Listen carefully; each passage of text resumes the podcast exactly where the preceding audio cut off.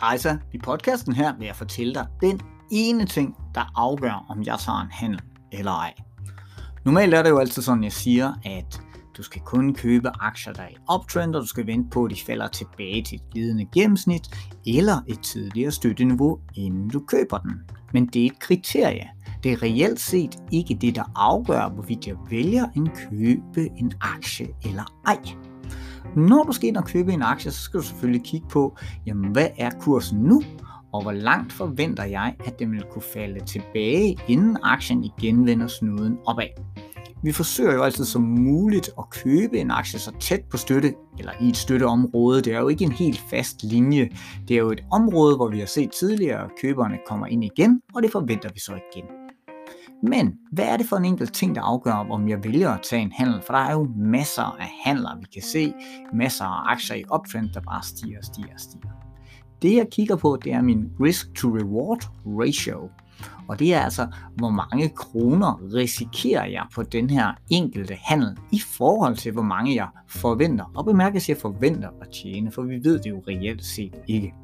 Hvis jeg kan se på et graf, at jeg køber i et støtteområde, og jeg ved, at hvis aktien falder for eksempel, lad os sige 5% under det her støtteområde, så er jeg ude af handlen igen, jamen så risikerer jeg jo reelt set 5%, eller hvis jeg køber for 100.000, 5.000 kroner.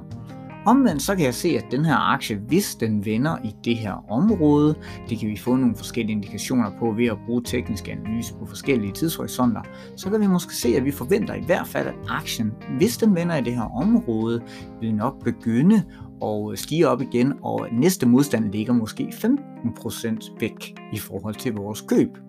Så begynder det at blive en smule interessant, fordi nu risikerer vi altså 5% i den her handel for en potentiel potentiel gevinst på 15%. Det gør sådan set, at jeg kun risikerer en tredjedel af det, jeg står til at vinde, hvis jeg har ret i den her handel.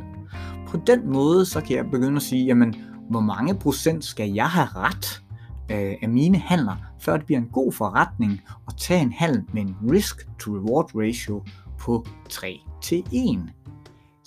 Så tag et kig på, hvor meget risikerer jeg i kroner og øre i forhold til, hvor meget jeg står til at tjene. Og husk nu på, at det her med risk to reward, det er ikke en grund til at købe en aktie i en dundrende nedtrend. Du skal stadigvæk have trenden med dig, når du gør det her, men det er en rigtig god måde til at vurdere, hvilke handler er fornuftige at tage, og hvilke handler skal vi simpelthen bare lade ligge. Lad os finde nogle andre at kigge på. Tak fordi du lyttede med. Vi snakkes ved. Hi, hi.